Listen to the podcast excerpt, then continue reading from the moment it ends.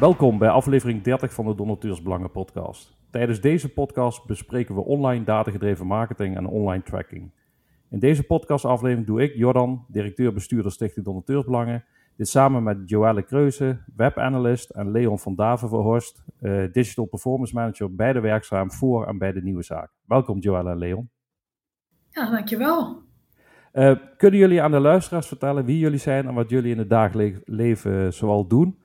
Als het gaat om werk, vrije tijd en hobby's. En uh, kan ik dan beginnen bij jou, uh, Joelle? Zeker. ja, ik ben dus Joelle. Ik ben um, webanalist bij de Nieuwe Zaak. En dat houdt vooral in dat ik mij heel erg bezig hou met alles rondom tracking. Dus alles rondom marketing, het verzamelen van data en zorgen dat er ook wat met de data gebeurt. Dus dan denk ik aan tools als Google Analytics, als mensen dat iets zegt, Google Tag Manager en uh, maken van dashboards. Ja, en in het uh, dagelijks leven, ik woon in het prachtige Drenthe. ik vind het leuk om s ochtends even te wandelen, dus dat doe ik vaak als hobby. Oké, okay, hoe, hoe is dit dat bij jou, Leon? Nou ja, ik ben dus Leon van Avenhorst, 39 jaar jong, digital marketing manager bij de Nieuwe Zaak sinds uh, anderhalf jaar werkzaam. Uh, ik vind het heel erg leuk om uh, in verschillende keukens te kunnen kijken en ja, verschillende bedrijven digitaal verder te helpen. Mijn achtergrond zit in de automotive. Daar heb ik heel veel online projecten gedaan. maar nu is dus eigenlijk in de breedste zin. heb lang in Zwolle gewoond. Ben nu bezig met mijn nieuwbouwhuis in Hardenberg. Dus dat is ook wel een hobby meteen. om, om het huis af te bouwen het is, het is geen uh, ik vertrek aflevering, neem ik aan. Dit is uh, zeker geen ik vertrek. En het is en, ook geen help mij, help mij mannens klusser? Uh, ook dat niet, want wij laten eigenlijk gewoon alles doen. Want ik heb genoeg zelfkennis om erachter te komen dat ik niet alles zelf moet gaan klussen. Ik heb wel de zolder afgetimmerd en dat is waar Rempel nog heel goed gelukt ook. Ehm, verder als hobby's, ja, ik hou heel erg van mijn gezin en het koken thuis. En lekker, ja, leuke dingen doen. Avondje pack met uh, vrienden, dat uh, vind ik ook altijd heel erg leuk. Dus uh, ja, dat, vrienden en, en, en, familie, dat is het belangrijkste. Ja, en dan nu vooral met het huis bezig. Ja, zeker. Oké, okay. nou, we gaan het dus in deze podcast hebben over online tracking en online datagedreven marketing. kun je eerst aan de luisteraars uitleggen, Leon, wat de nieuwe zaak allemaal doet? Eh, de nieuwe zaak is een uh, digital agency, dus dat houdt in dat wij uh, bedrijven, nou ja, ik zei het net al, digitaal verder helpen. Um, wij bouwen hier websites, ehm, dat doen we ook, maar het team waar Joelle en ik in zitten, ze kijken echt naar full service digital marketing. en dat houdt in dat wij bedrijven ondersteunen op eigenlijk alle disciplines van online marketing, zoals advertising, SEO, uh, conversieoptimalisatie en uh, ook uh, natuurlijk web analytics, design, dat soort disciplines. Um, en we hebben ook nog een strategisch team die ook echt kijkt naar de lange termijn op basis van een volwassenheidsmodel. Waar sta je nu als, als bedrijf in de online marketing en hoe ga je dan volgende stappen zetten om echt heel goed te worden? Dat houdt in, als je kijkt naar dat volwassenheidsmodel, Um, als jij de, alle tooling al in huis hebt, maar je hebt de mensen niet. Dus uh, je hebt bewijs van een Ferrari, maar je weet niet uh, hoe je moet auto rijden. Ja, dan moet je eerst kijken dat je niet je Ferrari gaat upgraden, maar dat je gewoon het, het team eerst gaat neerzetten. Um, dus ja, op strategisch, technisch en op marketingvlak werken, helpen wij bedrijven. ja, je zegt, je zegt bedrijven, werken jullie ook voor non-profits? Hebben jullie dus ook al goede doelen in jullie klantenbestand zitten? Zeker, wij hebben uh, meerdere goede doelen. Uh, ik weet niet of ik ze ook mag noemen. Nou, dat, misschien hoeft dat niet, maar als je dat zelf wil uh, noemen, dan is dat geen probleem. Uh, nou ja, wij werken onder andere voor Clinic Lounge en Alzheimer Nederland. en dat zijn hele mooie klanten. Daar werken wij overigens ook met een gereduceerd tarief voor, omdat wij vinden dat we dat, dat we goede doelen ook echt moeten helpen. Dus dat is ook ons steentje die we daaraan bijdragen. Oké. Uh, en je hebt al een aantal disciplines uh, genoemd, uh, Leon. Kun jij, Joelle, uitleggen rondom die disciplines wat eigenlijk online datagedreven marketing precies is? Zeker. En, en welke rol de online, ja, het online tracken hierin speelt? Ja, dus datagedreven marketing, dat komt eigenlijk door de hele, alle disciplines terug. Dus als we het hebben over bijvoorbeeld advertising, onze advertisers maken niet alleen advertenties, maar ze analyseren het ook. Ze doen ook testen daarmee. Dus data vormt echt een hele goede basis om bijvoorbeeld te optimaliseren. Nou, hetzelfde geldt voor onze conversie-experts. Um, zij doen ook testen op websites om te kijken, werkt het ene beter dan het andere? dus daar komt data eigenlijk altijd om de hoek kijken. Dat betekent dat er best wel veel um, belang is om uh, goede en betrouwbare data te verzamelen, zodat we ook datagedreven kunnen werken.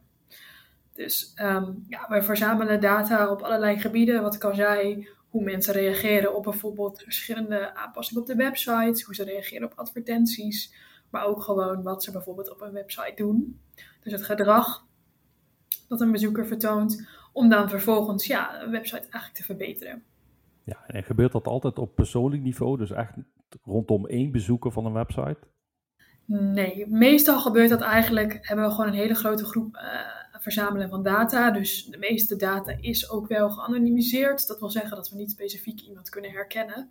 Uh, maar dat we bijvoorbeeld zien dat 80% van de mensen hier goed op reageert. Nou, dan weten we dat dat een ja, goede optimalisatie is geweest bijvoorbeeld. Dus de meeste data zitten meer in dat soort hoeken. Maar ja, er zijn zeker ook wel tools die ja, persoonlijke data en profielen bouwen van een gebruiker. Zodat we echt heel specifiek op die gebruiker een um, ja, optimalisatie kunnen uitvoeren. En bijvoorbeeld specifieke content kunnen vertonen. Zodat ja, eigenlijk de, het bezoek van iemand ook helemaal uh, goed past. Ja, dat is vaak wat goede doelen aangeven. Wij willen zo persoonlijk mogelijk ja. communiceren met onze potentiële donateurs, websitebezoekers en donateurs die inmiddels uh, geven aan onze organisatie.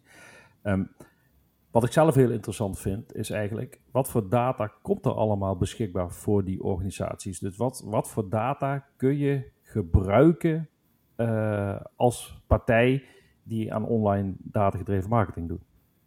Ja, dat zijn echt heel, dat is, er zijn heel veel mogelijkheden. Wat we eigenlijk, de meest standaard zaken die we eigenlijk tracken, doen we dus in een tool die ik aan het begin ook wel even noemde, Google Analytics. Of een andere analytics tool. Um, Google is de grootste partij eigenlijk, maar er zijn ook andere analytics tools op de markt. Die eigenlijk gewoon websitebezoek tracken. Dat wil zeggen, welke pagina's worden er bezocht? Um, wat doen mensen op de website? Uh, doen ze bijvoorbeeld een donatie? En hoeveel waarde heeft zo'n donatie dan? Om gewoon in kaart te brengen. Oké, mensen die op de website doen, uh, bewandelen eigenlijk dit pad en doen uiteindelijk een donatie. Nou, nog beter is vanuit marketing gezien, want we hadden het al over die disciplines, is dat we ook willen weten vanuit welk kanaal, zoals we dat noemen, iemand komt. Dus komt iemand vanuit Google, hebben ze een zoekopdracht gedaan, um, typen ze de website URL direct in, komen ze vanuit een e-mail, komen ze vanuit een advertentie. Nou, dat willen wij ook heel graag weten, zodat we ook weten welke kanalen we zouden kunnen optimaliseren bijvoorbeeld. Dus ook dat stukje data vind je terug in een um, tool zoals Analytics. Nou werken we ook nog met een heleboel andere tools. Denk bijvoorbeeld aan e-mail. Er zijn ook heel veel e-mail tools op de markt. Ook daar wordt heel veel data verzameld. Bijvoorbeeld um, nou, niet alleen hoeveel e-mails er worden verstuurd, maar ook hoeveel ze worden geopend. Uh, wat de interactieratio is, zodat je ook weet of die e-mails aanslaan en of dat effect heeft. En het idealiter wil je eigenlijk die twee databronnen dan ook nog met elkaar combineren, zodat je weet hey, deze e-mail werd geopend, iemand heeft geklikt, is vervolgens bijvoorbeeld naar de website gegaan en heeft een donatie gedaan. En dan weet je wat uh, ja, zo'n e-mail eigenlijk op heeft geleverd. Ja, dan weet je eigenlijk ook het interessegebied van zo'n persoon. Als je bijvoorbeeld, ik noem vier items in de nieuwsbrief hebt. Ja. En die persoon heeft specifiek voor het derde item gekozen. Om op basis daarvan bijvoorbeeld uh, aan een specifiek project een donatie te doen. Dat, dat soort zaken kunnen dus allemaal vastgelegd worden ja. per persoon. En op basis daarvan kun je de sturing geven aan hoe communiceer ik in de toekomst met deze persoon? Want blijkbaar heeft hij interesse in een bepaald gebied. Exact, ja. Want wat er vaak dan gebeurt is, um, nou, dat wordt dus geregistreerd. Wat voor soort thema's hebben geklikt. Waardoor ze eigenlijk in een soort bakje vallen. En dat is eigenlijk een soort segment, noemen we dat. En daar, um, ja, op basis van alle mensen die daarop hebben geklikt, kun je weer eigenlijk bijvoorbeeld een volgende e-mail sturen met nog meer specifieke content over dat onderwerp. Dus ja, dat is een beetje hoe het werkt. Nou, ik, ik, kom daar dadelijk nog even op terug. Ik, wil e- ook even kijken hoe social media, wat voor informatie vanuit social media. Ja, uh, dat is ook zeker een kanaal, ja. Juist, tot ter beschikking komen. Maar een vraag aan Leon, uh, als je die kunt beantwoorden. Welke uitdagingen zijn er eigenlijk bij het verzamelen van data? Als het over privacy gaat en misschien wel dataverlies? Dat kan ik zeker beantwoorden. We hebben natuurlijk de afgelopen jaren gezien dat uh, uh, AVG een term is en GDPR om, om te voldoen aan data, aan, aan de richtlijnen. Um, wat we heel veel zien is dat, um, dat bedrijven bewust of onbewust ehm, daar toch nog niet volledig voldoen aan de richtlijnen. en daardoor zien wij dat vaak als mensen dan willen gaan voldoen, bedrijven willen gaan voldoen aan de, aan de GDPR-richtlijn, en ze hebben een consent mode en cookie banner niet goed ingericht, dat je daarin echt wel een data los gaat uh, krijgen. Wat uh, gemakkelijk te voorkomen is. Ehm, maar eigenlijk is, vinden wij het belangrijkste dat we wel gaan voldoen met alle bedrijven aan die GDPR-richtlijnen. Um, dat zorgt voor stress bij sommige bedrijven. Nou, daarin denk ik dat, uh, dat wij ook echt wel een advies kunnen uitbrengen om daar ja, de goede volgende stappen in te zetten. Want het belangrijkste van data is daarin dat je zo dicht mogelijk met je metingen komt bij de waarheid, wat er daadwerkelijk gebeurt in je, in je bronsystemen. Um, des te dichter je erbij komt, zonder datalos dus, ehm, des te beter je kunt sturen op je marketing ROI. Uh, en des te beter je kunt gaan uh, inspelen op dat relevantiespel, wat eigenlijk net Joelle al uh, beschrijft. Dus dat zijn wel cruciale um, zaken om op orde te hebben, om je marketing op een juiste wijze in te richten, maar ook om simpelweg te voldoen aan de AVG-richtlijnen. En ja, wat ik al zei, die zijn gewoon echt wel heel belangrijk om aan te voldoen. Juist, maar betekent dat dat het voldoen aan de AVG-richtlijnen, oftewel de privacywetgeving, dat dat dus ervoor zorgt dat je uiteindelijk uh, ja, dataverlies uh, voor lief moet nemen. Je hebt altijd te maken met dataverlies. Dat, uh, um, dat maakt ook niet zo heel veel uit, zeggen wij. Um, je wil voldoen aan die richtlijnen van de AVG en daarmee, dat, althans, dat is onze visie. Uh, dat, uh, um, dat is een beetje de metafoor. Ga je met een betrouwbare uh, aannemer aan de slag of met een onbetrouwbare? En als het bewezen betrouwbaar is, dan ben je ook bereid om daar meer in te investeren. Um, die betrouwbaarheid moet je eigenlijk ook in een webshop bieden. En of het een webshop of een website is, dat terzijde. Um, maar ja, de, betrouwbaarheid, en zeker met name richting uh, goede doelen, denk ik dat betrouwbaarheid een heel belangrijk vraagstuk is. Wat doe je met de data? waarom uh, ga je er met deze manier met onze data om? Ehm, nou, als ik dan een eigen onderzoek van ons even ter tafel breng, zeg maar, als ik het zo moet zeggen. uit eigen onderzoek van Stichting Donateursbelangen, onder 62 CBR-verkende goede doelen, die we dus getest hebben, bleek dat er 52, dus 84% van die CBR-verkende goede doelen, tracking cookies plaatsen voordat toestemming is, verleend. Uh, is verleend. Ja. Hoe kijken jullie daarna als je dat hoort? Dat 84% uh, eh, ja, voordat toestemming, dus er komt wel een cookie consent, oftewel zo'n toestemming uh, schermpje naar boven om toestemming te verlenen. Maar op de achtergrond is er al, zijn er al tracking cookies gezet. Ja, dat verbaast me eigenlijk niet zo heel veel. Je ziet eigenlijk in de hele markt, maar ook, ook wel bij uh, ja, non-profit organisaties toch ook wel dat dat gewoon nog een stukje onwetendheid is. Er is wel een cookie banner en vaak zijn die ook best wel prima. Alleen ja, aan de andere kant, dat is nog niet het hele verhaal. Je moet ook zorgen dat als je marketing tools gebruikt, als je pixels inlaat van social media, dat die op het juiste moment worden ingeladen. Nou, en dat is vaak waar dan nog misgaat. Dus die cookie banner die werkt wel en er wordt ook wel gekeken. Alleen ja, voor die tijd was die pixel al ingeladen. Dus dat is eigenlijk een stukje aan de tracking kant waar je ook even goed naar moet kijken. En waar mensen gewoon heel vaak, nou ja, dat is gewoon best nog wel lastig, zeg maar, dat stuk. Dus dat wordt of vaak vergeten of men is gewoon ontwetend dat dit gebeurt. Dus wat dat betreft verbaast het mij niet. We zien het gewoon zelf ook heel erg veel. Ja, en we proberen daar nu wat actiever op te sturen van hey, uh, zorg ervoor dat het op het juiste moment geladen wordt. Dat je ook weet wat het consent is. Dat er echt rekening, actief rekening mee gehouden wordt. Ja, we hebben zelf een reactie gekregen vanuit de CBF, de toezichthouder op uh, goed doen binnen de goede doelen sector. En die hebben ons laten weten inderdaad dat ze de uh, hoe noemen we, steekproef die wij gehouden hebben gebruiken om die goede doelen te gaan benaderen. En om nogmaals duidelijk te maken van, hey, als je uh, tracking cookies gebruikt, zorg dat ze alleen gezet worden nadat iemand toestemming heeft verleend. Dus wij zullen dat blijven monitoren of dat inderdaad beter gaat worden in de goede doelensector. Maar we hebben dit dus zelf uh, via een simpel onderzoekje gedaan. Je opent de Firefox browser, die laat dat meteen zien als je naar een website gaat, wat er wel of niet aan tracking cookies gezet worden. Ja, wij zagen dus bij 52 goede doelen die banner netjes staan, maar desondanks waren er al tracking cookies gezet. Maar als we het over online tracking hebben, geldt dan dat we op, uh, dan specifiek over cookies hebben altijd? Of vindt online tracking ook op andere manieren plaats? Um, ja, het grootste gedeelte gaat eigenlijk wel over cookies. Maar als je, banners, als je cookie banners goed leest, dan lees je ook heel vaak en andere soortgelijke uh, zaken. Dat, dat staat er altijd een beetje vaag in. Uh, wij gebruiken dit en dit en vergelijkbare zaken. Dus het is altijd wel iets breder dan dat. Um, ja, maar cookies zijn eigenlijk dus kleine tekstbestanden die op je uh, computer worden geplaatst. En daar zit heel veel belangrijke en interessante informatie in. Dus cookies zijn wel ja, het grootste gedeelte waar we het vaak over hebben, maar dat betekent niet dat dat alles is. Inderdaad. Dus cookies is eigenlijk het merendeel van alle data die je tot je beschikking krijgt, zoals bezoek aan een website, waar heb ik geklikt, wat vind ik interessant, et cetera. Dat komt allemaal via die cookies binnen. Um, ja, zo zou je dat kunnen zeggen. Oké, en als je dan naar die sociale media netwerken kijkt. Uh, ik weet dat in het verleden, toen uh, net Facebook uh, zeg maar groot begon te worden en de hele wereld het ging gebruiken.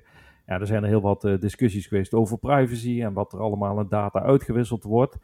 Geldt dat die platformen nu minder data delen met partijen of geldt dat er nog steeds heel veel data ter beschikking komt voor partijen als ze uh, die cookies van social media netwerken gebruiken. Ja, dat laatste is eigenlijk wel het geval. Um, je ziet inderdaad dat er meer nadruk is over privacy. Um, Google en Facebook hebben ook een aantal grote rechtszaken gehad in de afgelopen periode over dit soort zaken. Dus je ziet vooral dat er meer aandacht op is. En dat betekent dus dat aan de oppervlakte een heleboel dingen worden gedaan. Dat betekent dat hoe zo'n systeem echt omgaat met data, best wel vaak nog een beetje een black box is, zoals we dat zeggen. Dus we weten soms ook niet helemaal exact wat ze er nou mee doen. Um, maar wel dat dat gebruikt wordt voor andere tooling. Kijk, hun advertising, hun advertentieplatformen, dat is gewoon een hele grote bron van inkomsten. Dus die data is voor hun gewoon ongelooflijk belangrijk.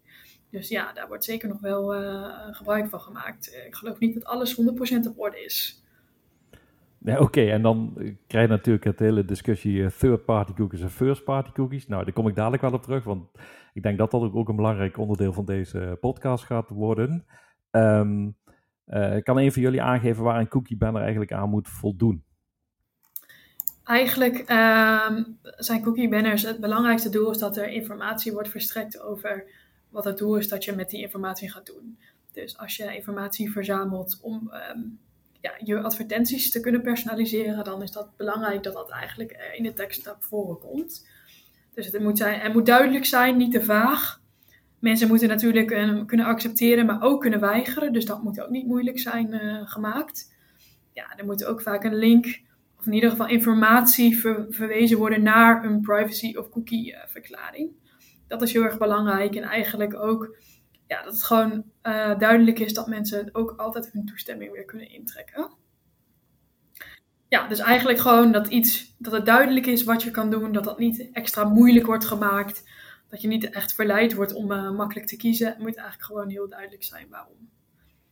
Juist, ik ben, eh, omdat, ja, omdat we nu zelf die steekproef hebben gehouden, zijn we daar zelf ook als donateursbelangen die voor de belangen van gevers opkomen, die zeggen van hé, hey, privacy is toch een belangrijk goed. Dus wij vinden het ook belangrijk dat uh, iedereen netjes die stappen volgt en ook uitlegt wat doe ik met die informatie die ik vraag van je of ontvang. Um, zijn we wel verder aan het kijken. En wat ons gisteren opviel is dat uh, Save the Children heeft een cookie banner. En uh, dan kun je dus aangeven, ik wil alleen noodzakelijke cookies uh, ontvangen of vastleggen. Maar binnen die noodzakelijke cookies staan platformen als Pinterest, LinkedIn, hm. YouTube. Ja, kan dat überhaupt noodzakelijk zijn, die cookies? Ja, als, het, als het eigenlijk tools zijn die een marketingdoeleinden hebben, uh, dus LinkedIn is dat eigenlijk al heel snel. Uh, daar, wordt, daar wordt wel degelijk tracking cookies geplaatst. Hè? Ja, dan kun je eigenlijk niet zeggen dat dat noodzakelijk is. Ehm, het is een beetje een, een ja, grijs gebied, maar als het echt een marketingdoeleinde heeft en je tracking cookies worden geplaatst, dan kun je dat eigenlijk niet rechtvaardigen. om te zeggen, dit valt onder noodzakelijk.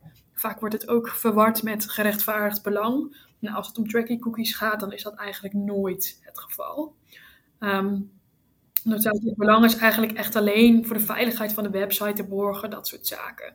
Ja, dat kun je gewoon eigenlijk niet argumenteren met LinkedIn cookies. Ja. Nee, en het was mij dus inderdaad opgevallen toen ik uh, voor het eerst bekeek, want ik dacht dat dit echt niet gebeurde. Hm. Maar gisteren viel mij het oog hierop dat ik dacht van, ho, 18 noodzakelijke cookies. Nou, dan moeten er toch wel heel wat dingen noodzakelijk zijn.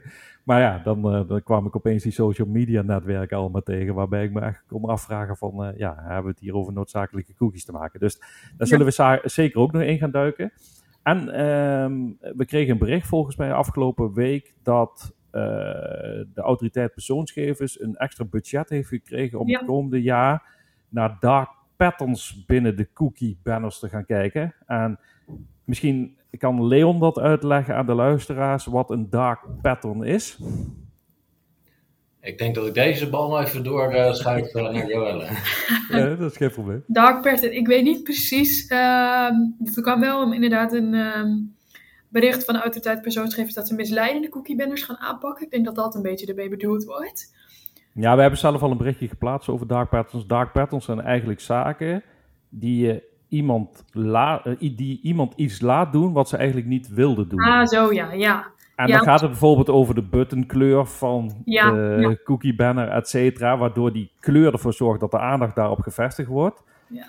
En ik kan een voorbeeld geven, de Save the Children uh, cookie banner waar ik het net over had, die maken gewoon gebruik van zo'n kant-en-klare SaaS cookie uh, consent oplossing, die je op allerlei manieren kunt inregelen.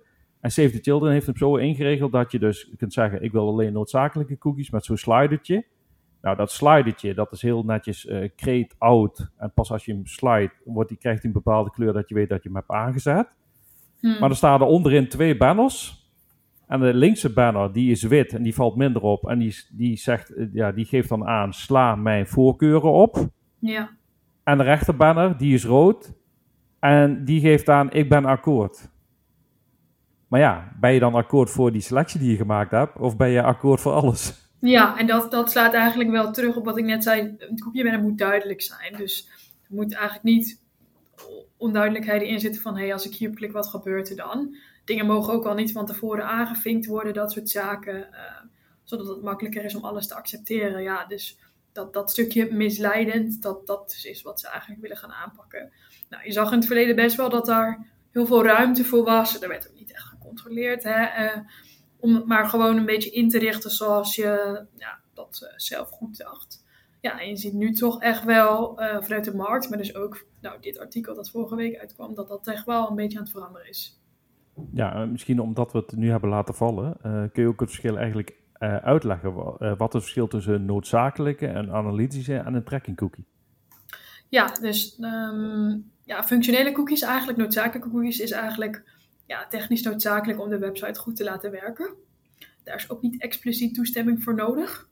Um, ja, een analytische cookies is eigenlijk een stapje verder. Het gaat eigenlijk over het functioneren van een website. Um, ja, als je het alleen gebruikt om bijvoorbeeld bezoekersaantallen te, te tellen, dan is het niet per se nodig om daar toestemming voor te hebben. Maar als je het wel gaat gebruiken om bijvoorbeeld een profiel op te bouwen, dan heb je ook voor analytische cookies uh, expliciet toestemming nodig. En ja, tracking cookies zijn eigenlijk de laatste categorie. Daar is eigenlijk altijd toestemming voor nodig. Ja, die worden ook wel een, beetje marketing of advertising cookies genoemd. Want dat is echt voor het opbouwen van een profiel, voor het delen van de data, uh, voor marketingdoeleinden vaak gerelateerd. Ja, en je ziet vooral dus in die, die middelste categorie, analytische cookies, um, dat er soms nog wat onduidelijkheid over bestaat van waar gebruiken we het nou eigenlijk voor. En een tool zoals Analytics kan dus in beide categorieën min of meer vallen. En dat staat of valt echt met waar je het voor gebruikt. En dat is iets wat wij ook vaak zien van, hé hey, ja, daar komt toch wel een stukje complexiteit bij kijken. Hoe, hoe, zorg ik er nou voor dat dit goed wordt ingeladen? Want in principe gebruiken we het hiervoor. Maar we linken het bijvoorbeeld wel aan onze Google Ads, dus aan het advertentieplatform van Google. Mag dat dan nog wel? Nou kijk, en dan bevind je je alweer in een gebied waardoor je eigenlijk alweer expliciet toestemming voor nodig hebt. ja, waardoor dit soort dingen best wel vaak misgaan. Ja, en jullie als de nieuwe zaak, Leon, die begeleiden dus partijen bij dit soort vraagstukken hoe moeten we het inregelen, et cetera. Ja, absoluut. Kijk, uh, als je teruggaat heel even naar de uh, cookie banner, dan zien we vaak ook dat de cookie banner wel goed is ingericht, maar dat je nog steeds hem kunt negeren en kunt verder browsen in de website. Um, en op het moment dat jij een cookie banner negeert, dan zou je niks mogen meten. Nou, dat is ook waar je net al naar verwees. Veel plaatsen dan toch al de analytische uh, cookies al. Um, daar gaat het uh, vaak mis. Wij hebben daar ook echt wel een best practice voor hoe je je cookie banner kunt toepassen. Um, zodat mensen zo min mogelijk de keuze niet maken. Um, want als je mensen forceert om de keuze te maken, en natuurlijk heb je daar altijd mensen die dan zeggen: ik klik dan sneller weg. Maar goed, dan moet je je ook afvragen wat de intentie was om op de website te komen. Um, dus dat is een hele belangrijke. Daarnaast is dat level van uh, consent uh, een hele belangrijke. Um, wij zien dat inderdaad bijvoorbeeld heel vaak Google Analytics wel de data wordt doorgezet naar advertising. En dat, dat die als analytische cookie wordt ingeladen in plaats van als tracking cookie slash marketing cookie. En ja, daarmee voldoe je gewoon dan toch niet aan die richtlijnen vanuit de GDPR en AVG. Dat is ook de constatering die jullie doen. Ja, ja, wij, hebben bij die 52 goede doelen heel wat goede doelen zien die dus de Google Analytics uh, zetten. Nou, en wij weten uh, daarbovenop ook dat al die goede doelen gebruiken van, maken van een Google Ad Grant. Waarmee ze dus bijvoorbeeld 10.000 dollar per maand uh, te goed krijgen van Google om daarmee te adverteren. Ja, als je dat, die Ad Grant tot je beschikking hebt gekregen en daarnaast doen goede doelen ook vaak nog de betaalde ad grants. Maar ze hebben al een ad grant gekregen waarmee ze voor 10.000 dollar kunnen adverteren. Ja, dat zet je alleen in als je dat ook weer kunt trekken. En dan wordt dus gekoppeld aan die Google Analytics inderdaad. Ja, wij merken wel um, dat uh, er is best wel veel bewustwording. Dat is wel het leuke, vind ik, aan uh, non-profit organisaties. Is eigenlijk veel meer focus op dit soort thema's. En merken toch wel dat ze dit heel belangrijk vinden. En dat een aantal ook hebben gezegd: oké, nou dan koppelen we het los. Want dan kunnen we het eigenlijk niet samen gebruiken. Ook al hebben we dan niet alle inzichten meer, maar we kunnen dat niet rechtvaardigen naar onze bezoekers. Dus ja, dat is wel een beetje de tendens die je vaker ziet. En ook wel wat Leon net zei met die cookie banners, dat mensen die kunnen negeren en dan toch de website kunnen browsen, dat wil je niet. Maar we vroeger zagen van ja, die cookie banner moet ook niet te veel opvallen, hè, want dat is alleen maar vervelend voor de eindgebruiker. Hebben we nu eigenlijk zoiets van uh, nee, de eindgebruiker vindt het heel belangrijk om um, uh, die cookies um, wel te accepteren dat er uh, rekening wordt gehouden met eigenlijk de wensen. Dus dat is echt wel een verandering. Juist, ik geldt ook dat een cookie banner altijd de optie moet bieden om uh, alles te weigeren. Of in ieder geval dan de optie alleen noodzakelijke cookies toe te staan. Ja, dat is verplicht dat je de optie hebt om inderdaad dat stuk... Uh, dus eigenlijk in principe alleen de noodzakelijke cookies te plaatsen. Juist, en als er geen optie is alleen noodzakelijke cookies plaatsen en er is geen weigerknop bijvoorbeeld of een kruisje waarmee je weg kunt klikken, ja, dan geldt eigenlijk dat je dan ook niet voldoet. Ja, dat is inderdaad best wel een harde eis. Oké, okay. Uh, ik denk dat we even het hier laten rusten. Ik denk dat we daar terugkomen bij third party en first party cookies, uh, want dat wordt helemaal een, een, een, een nieuw verhaal. maar ik wil het heel even kort over de privacy statement hebben. Um, um, ja, misschien moeten we dat later doen, maar nou, het is, ik, ik wil er toch nog wel wat op aanvullen, als dat even kan. Um, We hebben het natuurlijk nu net over die cookie banner en inderdaad uh, dus ook de, um, de consent mode. Het is cruciaal om daar ook een goede privacy statement en een uh, cookie statement bij te hebben. Um, want daar zien we ook nog steeds bij veel klanten en ook goede doelen toch ook zaken helaas verkeerd gaan. Um, terwijl eigenlijk privacy statement is natuurlijk een ding wat best heel belangrijk is, maar bedrijven denken, ja, ik heb hem in 2016 geschreven en ik voldoe nog. Um, ja, wij adviseren om eigenlijk daar jaarlijks toch wel naar te kijken uh, of het daar allemaal nog actueel is. En zeker met je cookie banner, uh, cookie verklaring, moet zeggen, um, zien we dat we daar echt wel um, met de toolings die nu bestaan, met geautomatiseerd up-to-date houden, dat wij daar echt wel adviseren om dat te automatiseren. Omdat het simpelweg heel moeilijk is om allemaal bij te houden wat er gebeurt binnen uh, Google, maar ook in je website. En toolings die worden gebruikt door marketing agencies. denk aan een AB-testing tool als Visual Web Optimizer. Ja, als je dat in de website plaatst met een geautomatiseerde cookieverklaring, wordt dat automatisch eraan toegevoegd. En als iemand dan consent geeft, dan kan die dat ook nalezen waar die die consent voor geeft. Als je dat niet automatisch gebruikt, zie je dat het gewoon heel vaak wordt toegepast um, zonder dat de cookieverklaring wordt geüpdate. En eigenlijk ja, misleid je dan alweer je klant. Dus ja, daarin zijn echt wel dingen, uh, uh, onze adviezen om in ieder geval die privacy statement gewoon jaarlijks te kijken. En dat kun je langs je juridisch partner halen, maar er zijn ook toolings voor online om te kijken. Uh, is, is het een correcte? En ehm, ja, die cookieverklaring die moet gewoon altijd kloppend zijn. Juist, en als je dat handmatig bij zou houden en je zou dezelfde tactiek toepassen, ik pak even gewoon een commerciële partij als Buienrada, en je kunt daar dus uh, voor 183, ik noem maar wat, uh, advertising companies aan of uitzetten, die cookies, want dat gaat echt zo ver. Ja, als je dat allemaal met de handje bij zou moeten houden, dan is dat gewoon geen doen, lijkt me.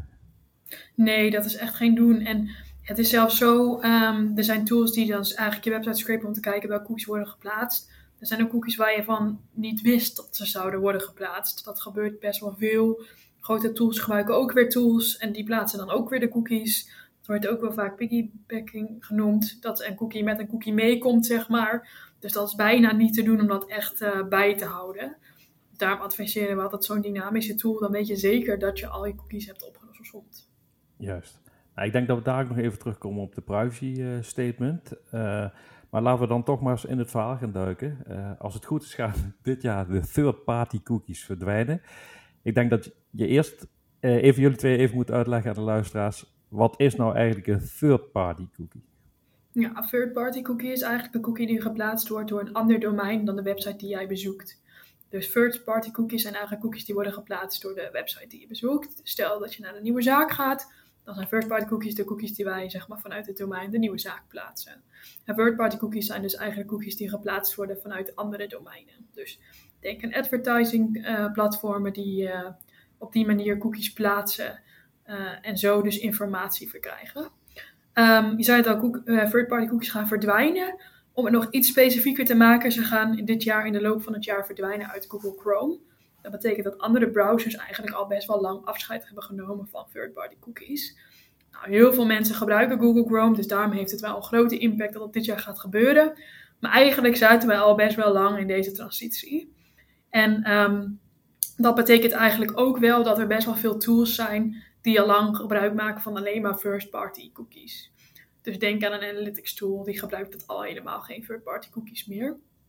Dus het klinkt allemaal heel erg groot, maar voor sommige dingen blijft, ja, is het eigenlijk al, uh, zijn ze daar al een beetje op aangepast. Ja, ik, heb daar dadelijk nog wat uh, vragen over. Maar als ik het voor een luisteraar, zeg maar een, iemand die geeft aan een goed doel of een bezoeker van een website van een goed doel. Als ik een YouTube-video zie op de website van een goed doel, en dan zie je ook netjes onderin dat logotje van YouTube, zodat je naar de YouTube-link kunt gaan en bij YouTube die video ook kunt bekijken. Ja. Eigenlijk zijn dat al third-party cookies, omdat uh, YouTube op het moment dat je zo'n videootje inlaat, cookies zet, of niet? Ja, op het maar... domein van YouTube, wat niet aan dat gekoppeld is aan het domein van het goede doel. Ja, precies. Maar in principe uh, gaan we gaan dus afscheid nemen van die third-party cookies. Betekent dat ze alsnog die informatie kunnen krijgen uit first-party cookies. Dat is mm -hmm. net hoe je het inricht. Dus Juist. het klinkt heel erg mooi dat het uh, gaat stoppen, maar dat betekent dat we alsnog informatie kunnen delen met andere tools, zoals een YouTube, zoals een Google Ads, als een LinkedIn, als een Meta. Juist. Ja, persoonlijk, als je het mij vraagt, vind ik het eigenlijk uh, een slimme manier van alle grote IT, de tech companies, uh, om toch die informatie te kunnen krijgen en te delen ja. met partijen, et cetera. Uh, het is zelfs voor de gebruiker dadelijk veel minder inzichtelijk. Nu mm -hmm. zie je, omdat ja. third-party cookies client-side zijn. En client-side betekent in je browser gebeurt ja. iets. Dus ja. kun je bij je cookie-overzicht kijken wat er gebeurt. Zie je het gewoon netjes, inderdaad. Zie je het gewoon netjes. En dadelijk zie je helemaal niets meer als het uh, first-party cookies zijn. Omdat het op de server van degene die een website host plaatsvindt. En je weet dus eigenlijk als gebruiker sowieso niet meer wat er gebeurt. Nee, je kan de cookies nog steeds wel zien. Maar ik weet niet of iemand uh, die het luistert ooit zo'n lijst heeft bekeken. Het zegt niet alles. Het is echt niet super duidelijk wat voor cookies dat allemaal zijn. Nee, en omdat ze allemaal aan je eigen domein gekoppeld zijn. Zo, zo, dat is de bedoeling volgens mij. Dus ik, ik pak even een goed doel. Uh, ja, ik, ik, verzin zelf even naam van een goed doel, want anders uh, haal ik een goed doel bij wat dat misschien niet doet. Maar ik pak even Help Jordan de Winterdoor Stichting. En ik met mijn Help Jordan de Winterdoor Stichting gebruik first party cookies server-side. Uh, en ik plaats dus een third-party cookie, dan kan het betekenen dat met die informatie die ik in die cookie in de browser laat zien, dat, ja, dat lijkt dan een specifieke cookie voor iets te zijn. Maar op de achtergrond kan ik met al die informatie die een gebruiker doet, uh, wel degelijk met mijn marketingplatform communiceren en informatie delen en opvragen, et cetera, wat er nog meer over die persoon bekend is bijvoorbeeld. Ja, dus je hebt het nu ook wel over server-side tracking. Dus mhm. dat is nog wel iets wat niet altijd, niet iedereen al heeft geïmplementeerd. Maar als je server-side tracking toepast, dan laat je het inderdaad via je eigen server lopen en is alles first party uh, cookie-based. Ehm, mhm. Dan gebeurt dit inderdaad. Maar wat je wel kan doen, en dat maakt server-side tracking nog wel interessant, is dat je volledige controle hebt over ehm, wat je doorspeelt naar Facebook of naar uh, LinkedIn. Dus je kan in de instellingen van hoe je de data doorzet wel zeggen: oké, dit soort informatie wil ik niet deze informatie wil ik wel. Dus dat maakt het wel mogelijk om het privacyvriendelijker in te richten. Ja, voor degene die de website. Ja, ja, dus voor degene die de website uh, host, zeg maar, of een webshop uh, host. Ja. die kan daar dan een echte visie op loslaten. Exact. Om te zeggen, dit wil ik um, doen om mijn marketing zo goed mogelijk in te zetten, maar ook om de gebruikersrechten te beschermen. Ja, en dat kan dus weer prima uitgelegd worden op die privacy statement en in die cookie banner, zeg maar. Absoluut. En waar je nu, um, ja, als je gebruik maakt met uh, first party cookie uh, data, als je gebruik maakt van bijvoorbeeld een, een metapixel voor mm -hmm. Facebook en Instagram, ja, dan trekken ze eigenlijk, om het even zo te zeggen, alle data naar zich toe. En heb je als bedrijf geen grip. En um, het is heel belangrijk om als bedrijf echt visie hierop te schrijven. Wat vinden we prettig, wat vinden we niet prettig, waar staan we voor? En welke data geven we dan door aan Meta?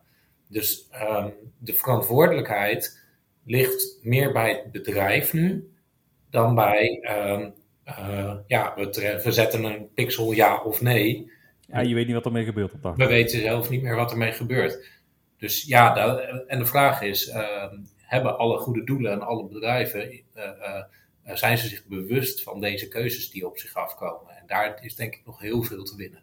Ja, dus ja, wat wij eigenlijk ook vinden, dus heel mooi. En wij adviseren daar ook wel in. Wij zijn geen juridisch partner, hè, dus we hebben niet juridische kennis, maar we proberen wel ze te helpen. En eventueel door te zetten als dat nodig is. Maar um, ja, het legt ook een verantwoordelijkheid neer. Dus aan de ene kant kun je ook zeggen, het is mooi dat dat kan. Aan de andere kant zou het ook mooi zijn als grote tools eigenlijk hun eigen verantwoordelijkheid nemen, waardoor het voor de eindgebruikers ook makkelijker is om te voldoen, bijvoorbeeld. Ja, dus dat zijn eigenlijk wel twee meningen die je in de markt een beetje ziet. Ja, en dan een vraag over die pixel. Uh, pixel is, ja, zoals ik het weet, is het een 1 bij 1 pixel plaatje wat ergens geplaatst wordt.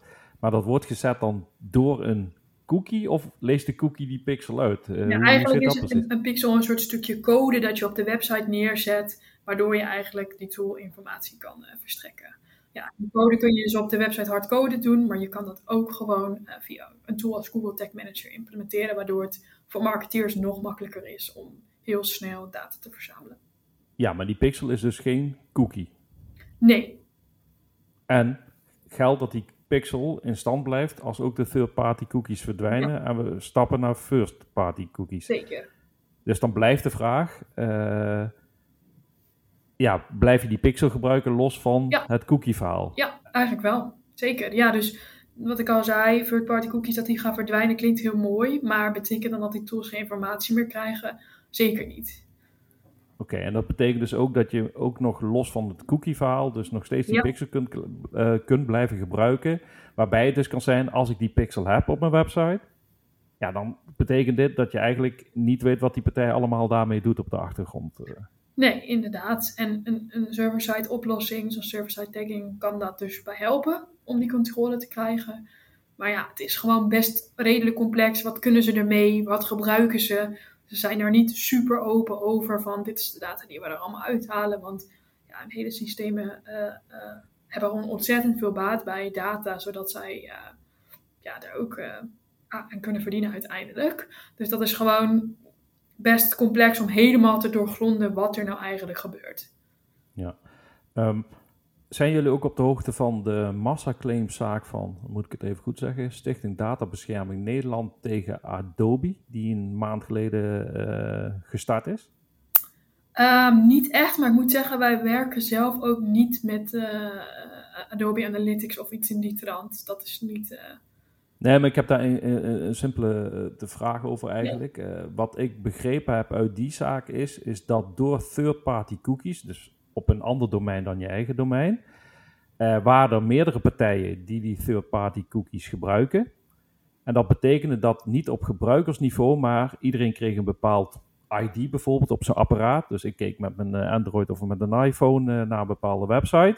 Ik deed dat op de KPN-website of op de Belastingdienst-website, niet net wie die Adobe-oplossing gebruikte.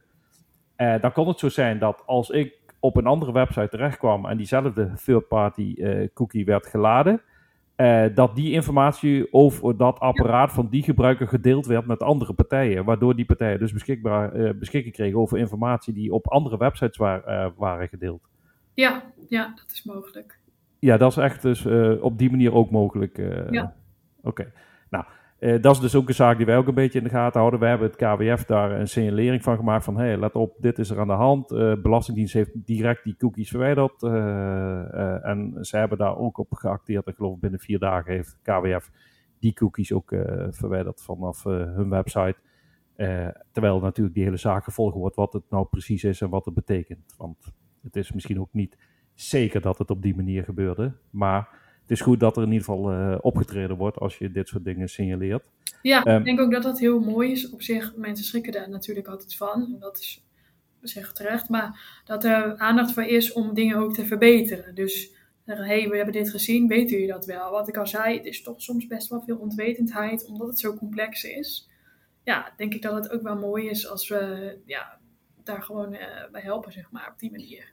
Ja, wij doen dat ook vanuit onze rol als een belangenbehartiger van gevers. Alleen vaak wordt gezegd door goede doelen, en daar kom je op het ethische vlak, zeg maar. Ja, dan wordt er gezegd van alles wat commerciële partijen kunnen uh, benutten, moeten wij ook kunnen benutten. En wij denken vaak, ja, uh, waar, en er wordt ook vaak gezegd, waarom zouden wij het braafste jongetje van de klas zijn? Ja, en ik denk dan altijd van, ja, hoe kijk jij daarnaar, Leon? Ja, kijk, wat je, wat je ziet is dat um, uh, ook goede doelen uh, uh, heel veel omzet binnenhalen via hun website. En daarmee snap ik de argumentering dat je zegt, ja, wij zijn niet anders dan een grote retailer of een, een, grote lead generator via, via online. Dat begrijp ik heel goed. Het enige wat je je af moet vragen, en ik denk dat je dat als goed doel echt moet afvragen, is waar, waar sta je voor en waar, wat, waar wil je aan voldoen? En nou ja, goede doelen staan, uh, staan vaak uh, aan het menselijk spectrum, zeg maar, in plaats van dat je uh, stofzuigers verkoopt, om, om het even zo te zeggen.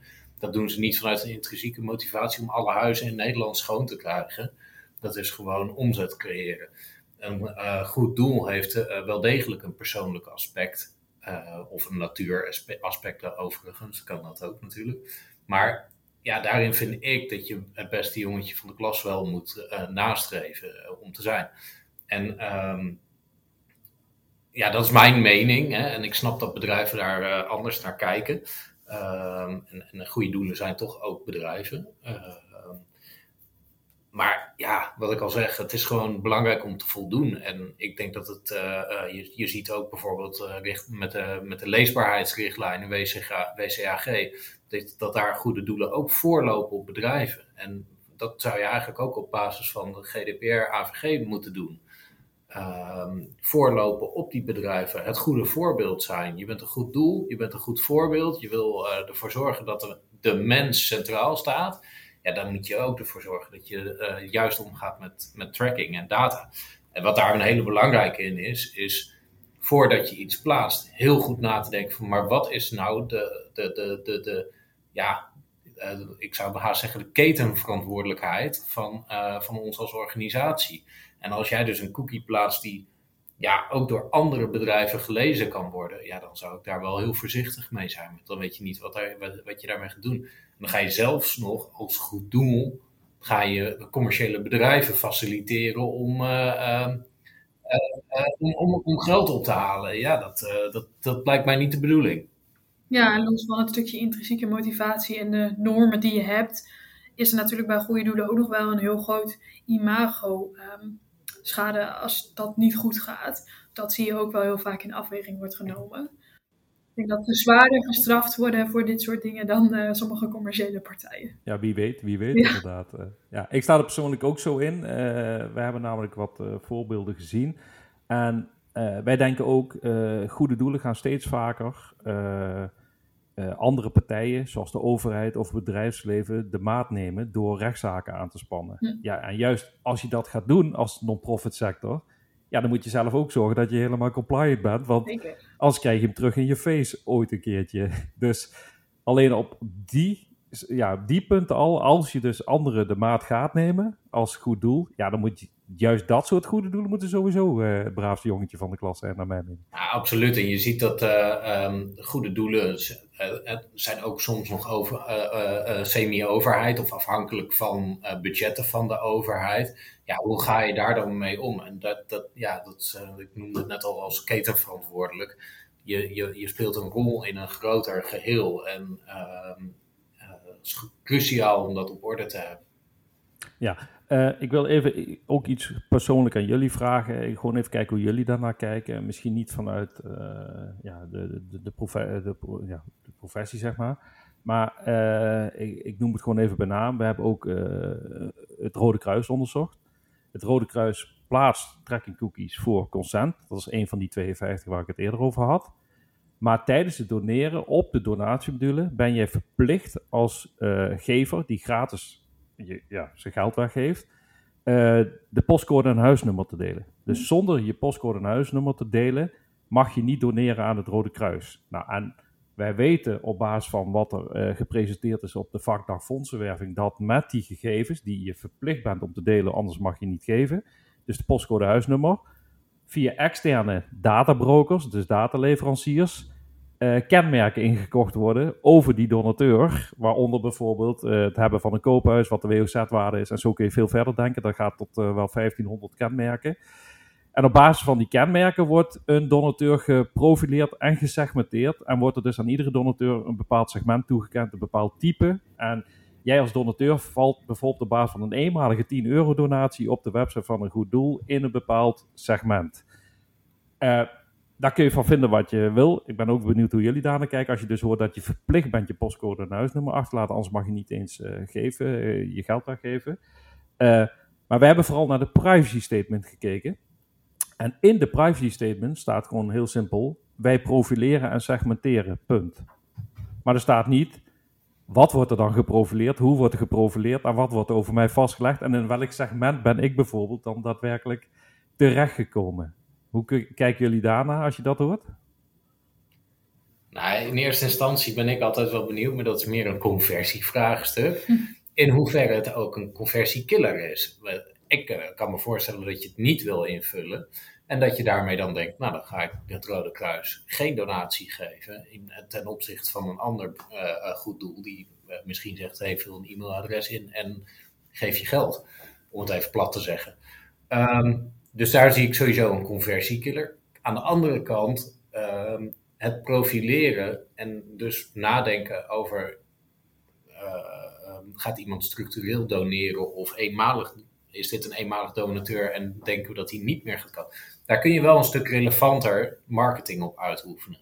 Alleen is het ook wel heel glad ijs, want is iemand met een hogere WOZ-waarde degene die ook meer kans heeft om structureel donateur te worden? Of heeft dat er helemaal niks mee te maken? Dat zijn wel vraagstukken wat glad ijs kan zijn. En uh, ja, heel eerlijk.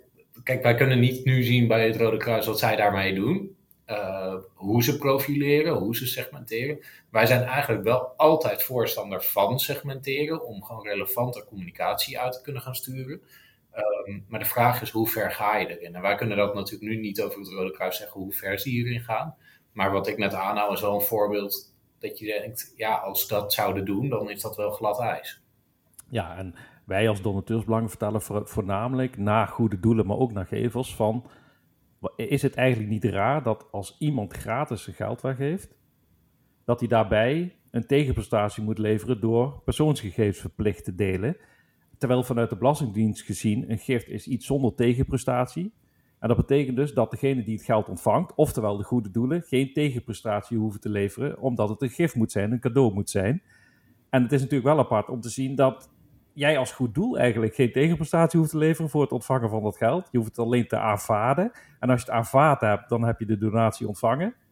Maar om die donatie te krijgen, eis je eigenlijk van de gever allerlei zaken die rondom die donatie misschien ja, niet, uh, niet noodzakelijk zijn. Ja, een andere invalshoek kan zijn dat ze denken, uh, als wij een postcode huisnummer krijgen, misschien willen we wel een bedankje sturen. Ja, dat zou natuurlijk ook dat, kunnen. Ja. En dan is het geen tegenprestatie. Dan krijg je voor je donatie iets terug als, als gever. Dus ja, dit is ook wel weer zo'n visievraagstuk. Ehm, hoe ga je ermee om? Kijk, ik zou zelf, maar dat is uh, uh, mijn persoonlijke mening, als ik een donatie doe, wil ik niet mijn adresgegevens geven, want ik hou niet van dat ik die post dan ook nog weer ga krijgen. Of dat ze dan daarna aan de deur staan met, wil je nu structureel donateur worden?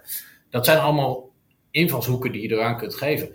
Um, maar er zijn ook genoeg goede doelen. En nou ja, het Alzheimer Nederland, die ken ik, dat, je, dat je het speltje ook thuis gestuurd krijgt. Um, het vergeet me nietje. En mhm. dan vraag je ook de gegevens uit, maar dan geef je iets terug. En ja, dan is de vraag, wat doe je daarna nog met die gegevens? En zodra je daar weinig tot gering iets mee doet, denk ik dat het wel te rechtvaardigen is. Um, om ook, uh, um, en daar kun je ook data aan knopen, om je witte vlekken uh, te gaan bepalen. Waar moet je het nog gaan collecteren? In een wijk waar iedereen structureel eh, doneert, hoef je misschien niet een collectant langs te laten lopen. Terwijl in stukken waar uh, de, minder uh, mensen de, gedoneerd hebben, nou, dan zou je daarop kunnen sturen. Dus ja, je kunt met de data, en dat is ook het mooie van data, kun je um, honderd argumenten bedenken. En ik noem er nu net al drie of vier hoe ze ermee om kunnen gaan. Um, er zijn honderden invalshoeken. Hetgeen wat je dus altijd moet afvragen is, wat willen we als organisatie ermee? En als ze het zomaar vragen en ze doen daar eigenlijk niks mee, ja, dan zou je kunnen zeggen, haal het eruit en ga je conversie optimaliseren. Juist, want dan kies je eigenlijk ook ten eerste voor wat je zegt, conversieoptimalisatie. En uh, dan kun je tenminste ook dataminimalisatie toepassen, die ook een onderdeel van de privacywetgeving is. Dus vraag alleen die data, waar je ook daadwerkelijk iets mee doet. Leg uit wat je met die data doet, want daar zien wij dat het naar onze mening vaak misgaat. Er wordt heel veel gevraagd zonder de uitleg erbij wat ze ermee gaan doen. Dus als je bij die donatiemodulen vraagt om een postcode huisnummer, leg dan uit wat je met die postcode huisnummer doet. En zeker als het een verplicht veld is. Want ja, anders weet ik niet wat ik uh, achterlaat als uh, donateur. Uh. Nee, absoluut. En daar ben ik volledig mee eens. Maar het is echt bewustwording bij goede doelen. Waarom vraag ik wat ik vraag en wat wil ik ermee doen? En ehm, wat kan ik ermee doen?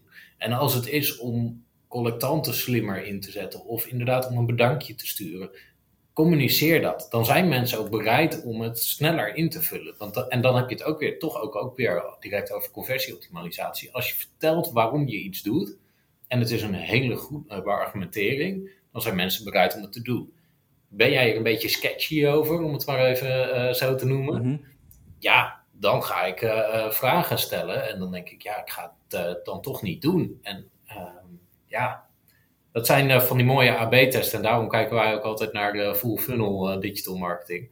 Um, dit zijn AB-testen die je kunt uitvoeren. Maar als we dit weglaten, hoeveel meer mensen converteren dan in mijn shop? En wegen, wat weegt dan zwaarder? De data of de data minimalisatie?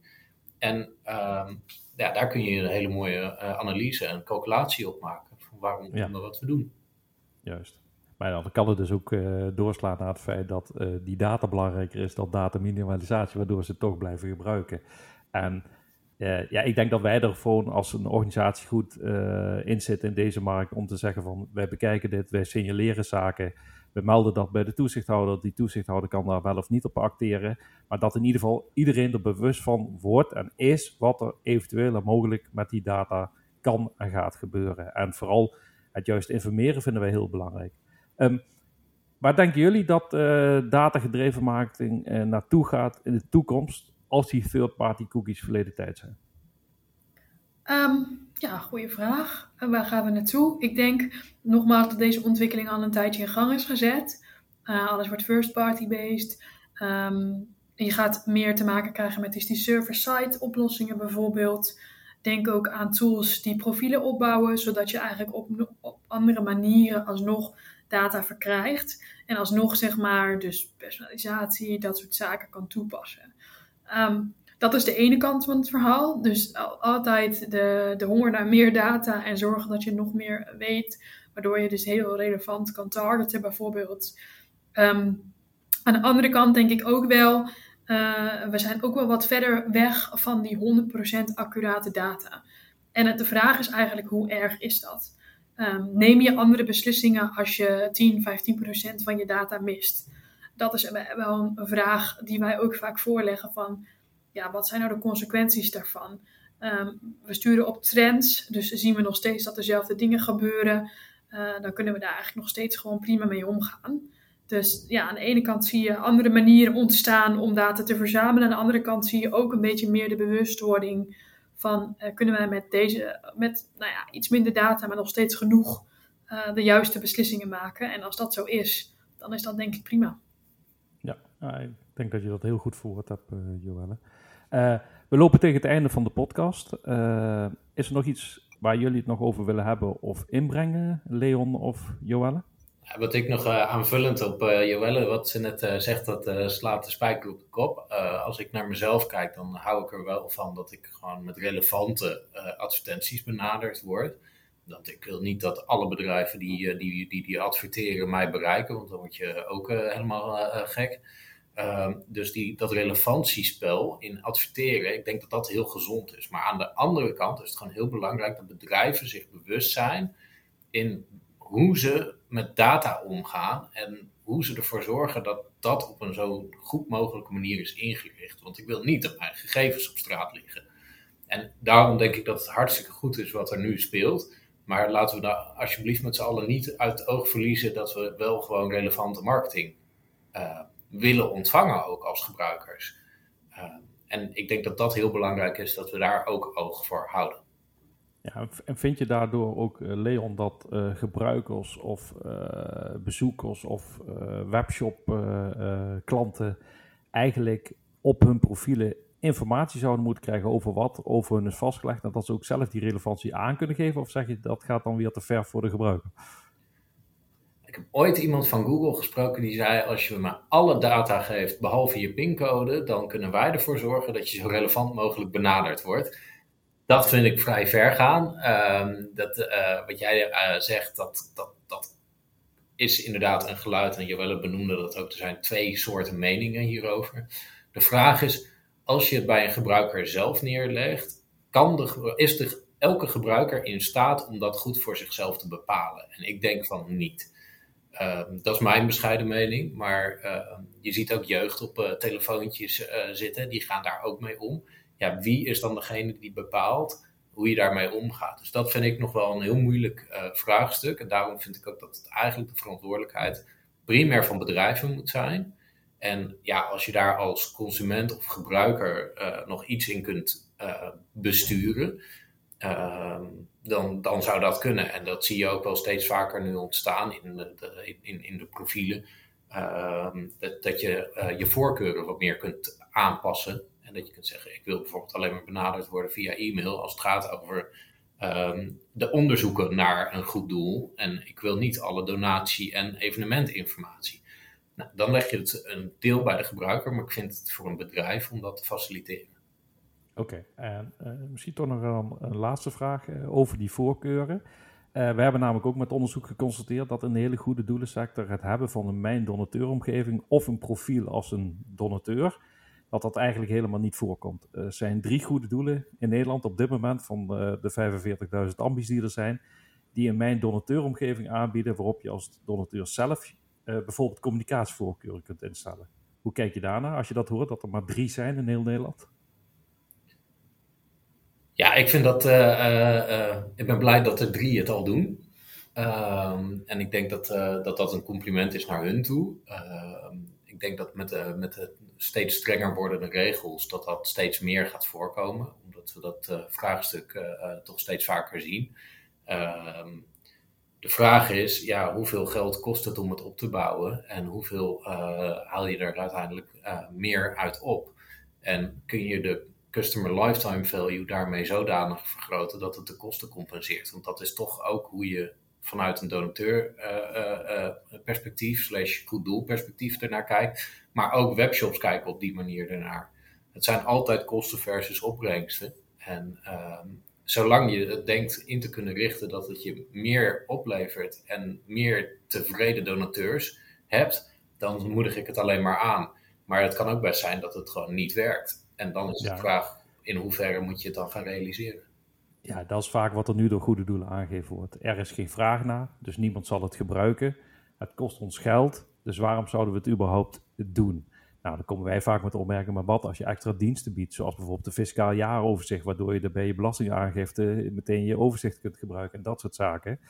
En wij roepen altijd goede doelen op van, ja, je investeert wel duizenden en duizenden euro's om een 360 graden view op je donateur te hebben ja, waarom niet 1 of 2 procent van dat hele IT-budget beschikbaar maken om aan de voorkant die donateurs communicatievoorkeur te laten inregelen. Dus dat is inderdaad dat spel uh, waarop je, je, je, ja, je, jezelf de vraag kunt stellen van, uh, uh, moeten we het doen, ja of nee? Nou, op dit moment merken wij dat er veel, nou onze mening, droge redenen zijn om te zeggen van, we doen dit niet, we zullen dit ook niet aanbieden. Terwijl, ja, jongeren die nu opgroeien met een mobieltje, op iedere app die ze gebruiken, hebben ze een profiel waar ze zaken in kunnen regelen. Dus ja, als jij in de toekomst die jongeren wil vangen, dan zul je toch eigenlijk wel ook zo'n profiel met de, de, mogelijkheid moeten aanbieden.